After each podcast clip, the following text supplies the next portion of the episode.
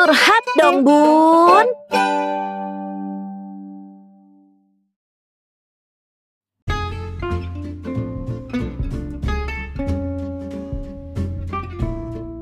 Assalamualaikum warahmatullahi wabarakatuh. Curhat dong bun. Halo apa kabar bunda-bunda semuanya Alhamdulillah ya setelah sekian lama hiatus nggak pernah bikin podcast lagi Alhamdulillah sekarang berkesempatan untuk bikin podcast lagi Di podcast Curhat Dong Bun musim kedua Prok prok prok prok prok prok, prok, prok. Baik, kenapa musim kedua? Karena ada sedikit perubahan di mana kalau biasanya saya ditemani sama psikolog kali ini karena psikolognya sedang sibuk ya beliau mau S3 kemudian harus ngajar dan juga ngurusin klinik. Jadi ya akhirnya kita ganti sedikit formatnya di sini sudah ada bintang tamu baru. Wow.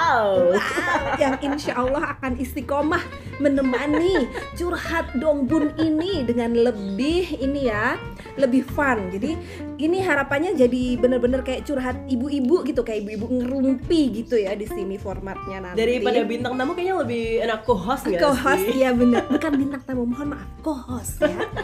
Yang suaranya sudah sangat renyah dan sudah sangat terkenal di dunia eh, voice over ya Au, kerupuk kali kerupuk ya bun. Ini dia Bunda Dita. Hai bunda semuanya yang ada di Curhat dong bun. iya. Eh apa ya kita kalau ngomong jadi kayak melambai gitu iya kayak apa ya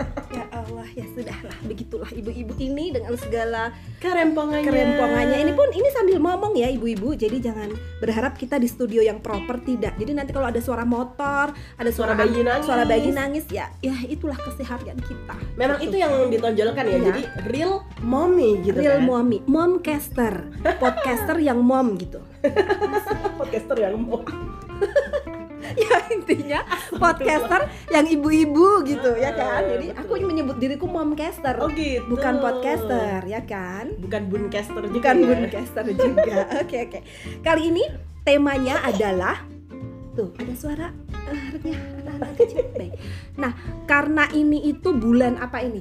Bun bulan Juni. Juni. bulan Uh-uh. Juni itu kalau anakku sudah sudah masa-masa eh, mau nerima rapot. Jadi Allah tanggal 19 Juni udah terima rapot, habis itu liburan dan habis itu masuk SD. Untuk Oke. yang anaknya TK kayak aku. Ini TK ter- TKB berarti ya. TKB bener. Jadi tema kali ini adalah tentang masuk sekolah. Wah seru kayaknya Seru itu yang sekali. didambakan oleh orang tua Iya, ya yang- setelah selama ini daring kan. Bener, setelah selama ini dua tahun kurang lebih ya kita pandemi sekolahnya online melulu ibu-ibu jadi tambah pusing gitu kan kerjaan Mm-mm. rumah belum kelar harus nemenin di depan laptop ya kan belum tugas-tugas yang ngerjain bukan anaknya tapi ibunya ya kan Wah ibu-ibunya balik sekolah lagi balik ya. sekolah lagi jadi akhirnya kita bisa me time lagi ibu-ibu bisa nyalon bisa spa karena anak kita udah masuk offline penuh apalagi sekolah anak saya full day. Jadi Iya. uh, lumayan lah ya dari pagi sampai sore.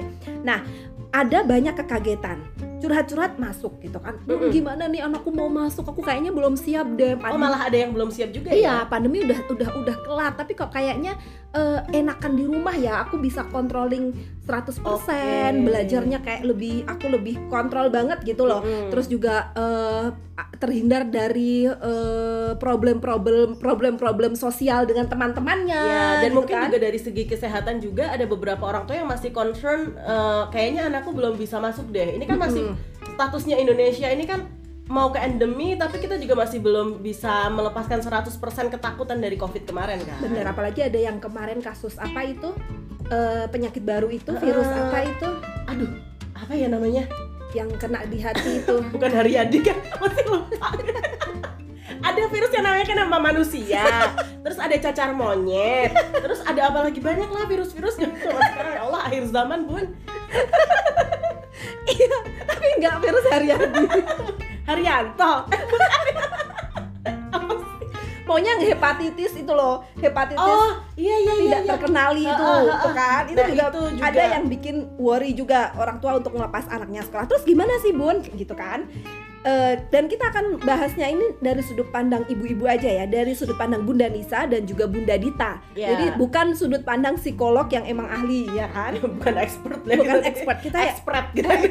kayak ibu-ibu biasa lah gitu ibu-ibu rempong jadi ya kalau dari kita karena kalau aku dari aku dulu ya bun Mm. karena memang aku suka anakku sekolah dan bersosialisasi. Jadi ya ketika offline dan diumumkan untuk masuk sekolah seperti biasanya itu udah jadi kayak blessing banget berkah banget. Asik gitu ibunya yang hore aku bisa me time lagi hore gitu. Jadi akunya juga semangat ketika anak-anak udah mulai offline kemudian kemarin ukur seragam udah diumumin ini itu untuk SD-nya yang full gitu tuh aku udah happy banget Kayaknya seru ya persiapan masuk ke sekolahnya itu Iya. ya. Anaknya gimana? anakku persiapannya seru udah minta dibeliin sepatu Oh, oke. udah minta meskipun sekolahnya sekolah alam ya jadi Nyeker ya Eh, nyeker juga pakai sendal jepit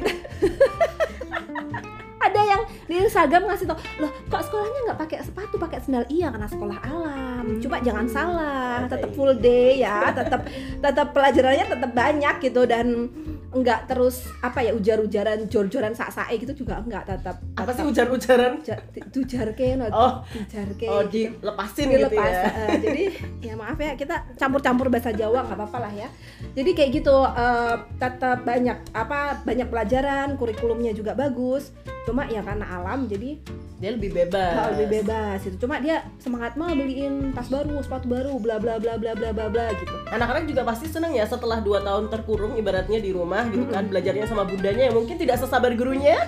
sangat Nah, terus masuk sekolah nih. Iya masuk sekolah ketemu teman-teman baru, ketemu gurunya gitu.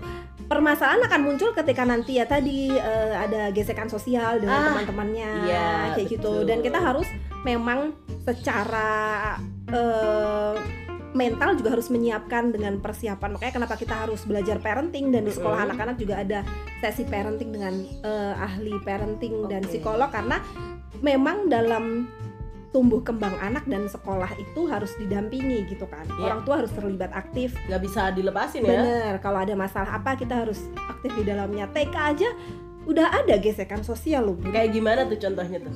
Contohnya adalah geng-gengan. Oh, Geng-gengan. Anakku tiba-tiba dia tanya, "Ma, dari TK udah ngegeng ya? kalau ada ngegeng." Dia tanya, "Ma, Mama tuh punya geng nggak?" Ah, apa ini? Kenapa ada pertanyaan ngegeng? Iya, Ma. Di tempatku tuh ada geng. Terus ketua gengnya si Tit itu Heeh. ah dia nyebut nama Hah, terus ngapain aja? Ya udah kita main-main tapi dia punya geng mah. Kalau kakak nggak ada gengnya ya kakak berteman aja sama semuanya. Ya iya aku bilang kayak gitu karena emang harus berteman sama semuanya. Heeh. jadi kayak eh, hmm, apa ya pokoknya ada perasaan seneng gitu. Kayak aduh seneng banget nih anakku sekolah gitu.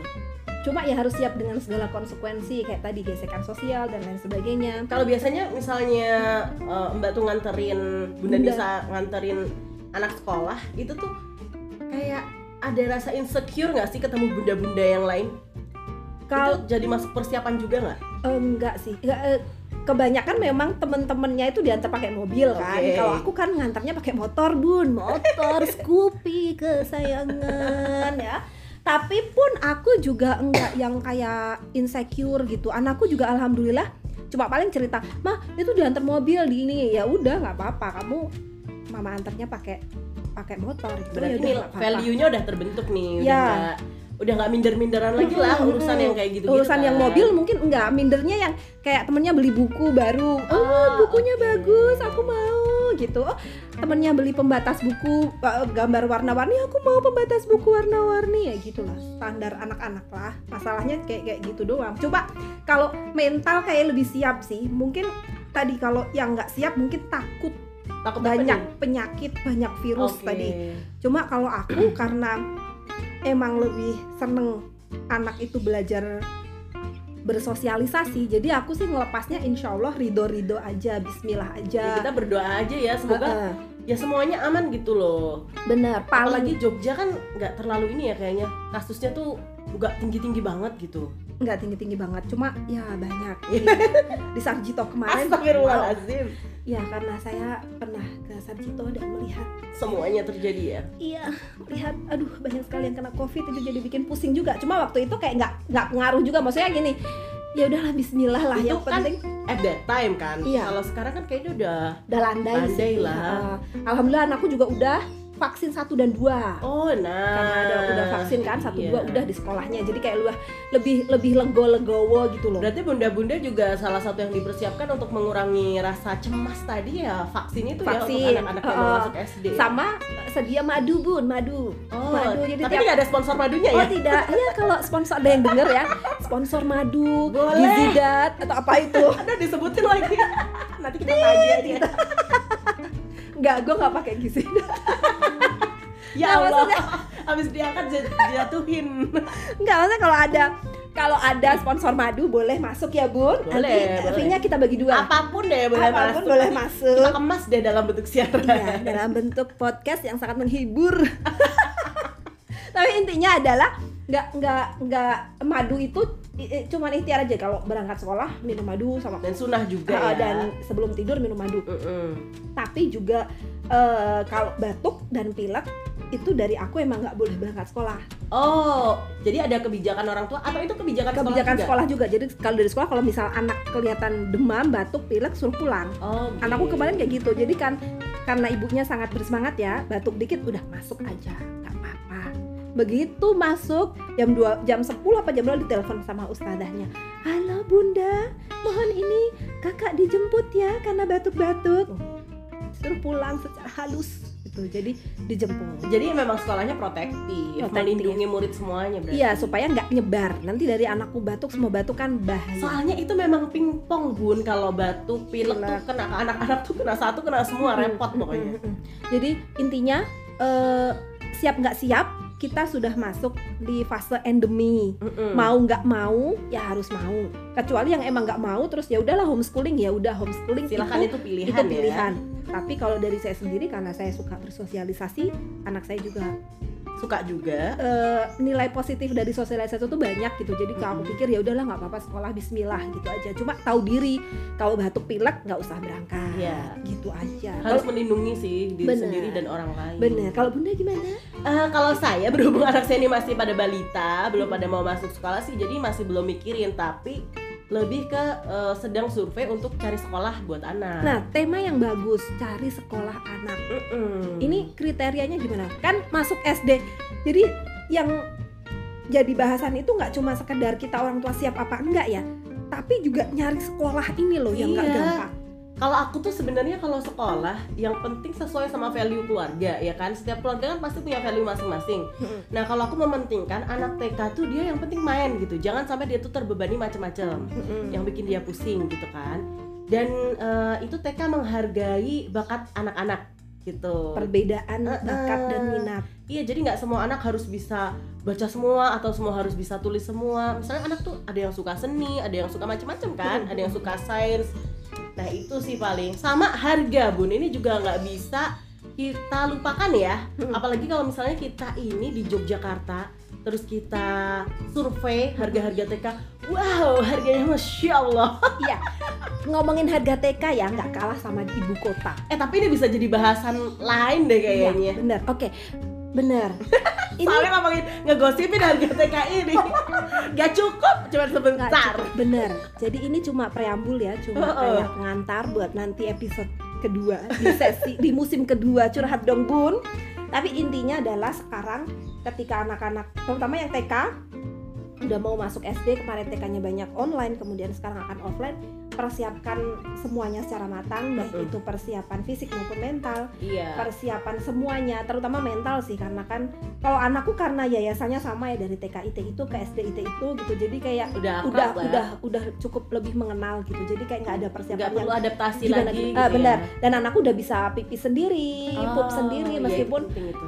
Kalau pupuk ceboknya harus masih aku ya karena aku tidak yakin kebersihannya Mm-mm. tapi kalau pipis udah bisa sendiri makan udah bisa sendiri pakai baju sendiri mandi sendiri udah bisa jadi kayak Bismillah lah bisa lah gitu Nah, terus kalau apa namanya kalau semuanya itu udah, kalau orang tuanya kayaknya lebih happy tapi ya untuk persiapannya. Ah. Oh, kalau aku lebih happy dan anakku lebih happy karena anakku suka sekolah suka ketemu orang ya jadi ya happy happy aja mudah-mudahan happy terus ke depannya Berarti tinggal satu anak yang diurus di rumah ya kalau misalnya Ah, anak sekolah. karena anakku dua kan ya bunda-bunda mungkin di yang dengar ada yang tiga ada yang empat ada yang tujuh Wah, itu. wow tujuh Selamat hebat Ada. Anda. Ah, benar ada temanku yang memang rencana punya anak tujuh aku Masya tidak Allah. membayangkan bagaimana rasanya Tapi katanya tuh emang punya anak banyak itu ngurusnya lebih gampang daripada punya anak sedikit. Ada yang bilang gitu. teori ya bun Teori pada prakteknya ya wallahu a'lam bishawab Tapi dia mengalami sendiri dan dia Oh, bilang punya anak tiga itu Dita tidak lebih repot daripada punya anak dua. Dia bilang. Lebih mudah gitu. Iya. Atau mungkin karena si kakak ini udah bisa ngasuh adik-adiknya ya. Hmm. Jadi tugas mamah itu juga terbantu. Iya benar. Mungkin. Dan stok sabar dia banyak, ya kan? Mohon maaf, saya mah sabar saya itu eh, takaran gelas kecil ya, bukan gas jumbo. Jadi kayak gitu ya bun. Eh, mudah-mudahan doa saya eh, bunda-bunda semua udah siap. Kalaupun kalaupun misal nggak siap atau ada sesuatu Masih yang takut mengganjel gitu masih ya. takut bisa dikomunikasikan dengan gurunya atau kalau perlu sampai parah banget ya maksudnya kayak kekhawatiran yang luar biasa bisa langsung ke psikolog atau eh, psikiater enggak psikiater psikolog Psikolog. ke, ke psikolog karena di psikolog nanti akan diurai kenapa kenapa apa namanya sampai segitu khawatirnya dan lain sebagainya nanti akan ada solusi akan ada diagnosa dan lain sebagainya cuma kalau cuma khawatir-khawatir karena eh, Hal-hal yang wajar. hal-hal gitu yang ya. wajar lecutan-lecutan yang alah nanti kalau gini gimana ya nggak usah itu karena terkadang kita tuh menakutkan hal-hal yang sebenarnya belum terjadi dan Ya. tidak akan terjadi Betul. ya kan overthinking biasanya OT OT ya. OT OT baik karena sudah masuk ke menit 16 Wow. ya ini kalau biasanya di radio gitu udah iklan ya bun Iya. Nah, kuarter satu kuarter ini Udah. Ada time Iya. signal. Iya, jadi saya juga mengirimkan sinyal-sinyal buat para sponsor, khususnya dunia parenting yang mau ini ya ngisi Silakan iklan. kita menerima semuanya. Kita- Pampers gitu. Iya, bisa. pampers, iya terus apalagi eh, susu, minyak susu, telon. minyak telon, ya, boleh. yang mau masuk ke podcast ini boleh. Ini karena anak gue masih bayi Iya. ya. Kalau misalnya anaknya udah gede mungkin kebutuhannya udah smiggle gitu ya kan. Mainan lol. Allahu Akbar ya, luar biasa. Ya pokoknya kami terbuka untuk sponsor yang mau masuk kita. Ini ini sebenarnya kita mau nge-podcast apa? Enggak kita tuh Cari uang sih. sponsor. Undang sponsor balut podcast biar gak hard selling banget. Iya, gitu. Dan yang mau kirim curhatan Boleh. boleh banget ke kontak Bunda Nisa at gmail.com Insya Allah nggak akan dibaca. Loh nggak. Insya Allah akan dibacain. Dan nanti eh, akan kita bahas kalau ini sih eh, yang di musim kedua saya nggak bacain curhat-curhat ala-ala Dear Bunda bla bla gitu nggak ya langsung Kalau kita tematik gitu aja Hmm, yang musim satu kayak gitu terus nanti ditangkepin sama psikolog cuma sekarang kita eh, ngobrol-ngobrol santai aja formatnya kayak gitu ya Bunda terima kasih udah menit ke 17 Terima kasih yang sudah menemani dan mau mendengarkan sampai akhir podcast ini. Mudah-mudahan bermanfaat. Kita ketemu di episode berikutnya. Saya Bunda Bye-bye. Nisa. Saya Bunda Dita. Wassalamualaikum warahmatullahi wabarakatuh. Wabarakatuh.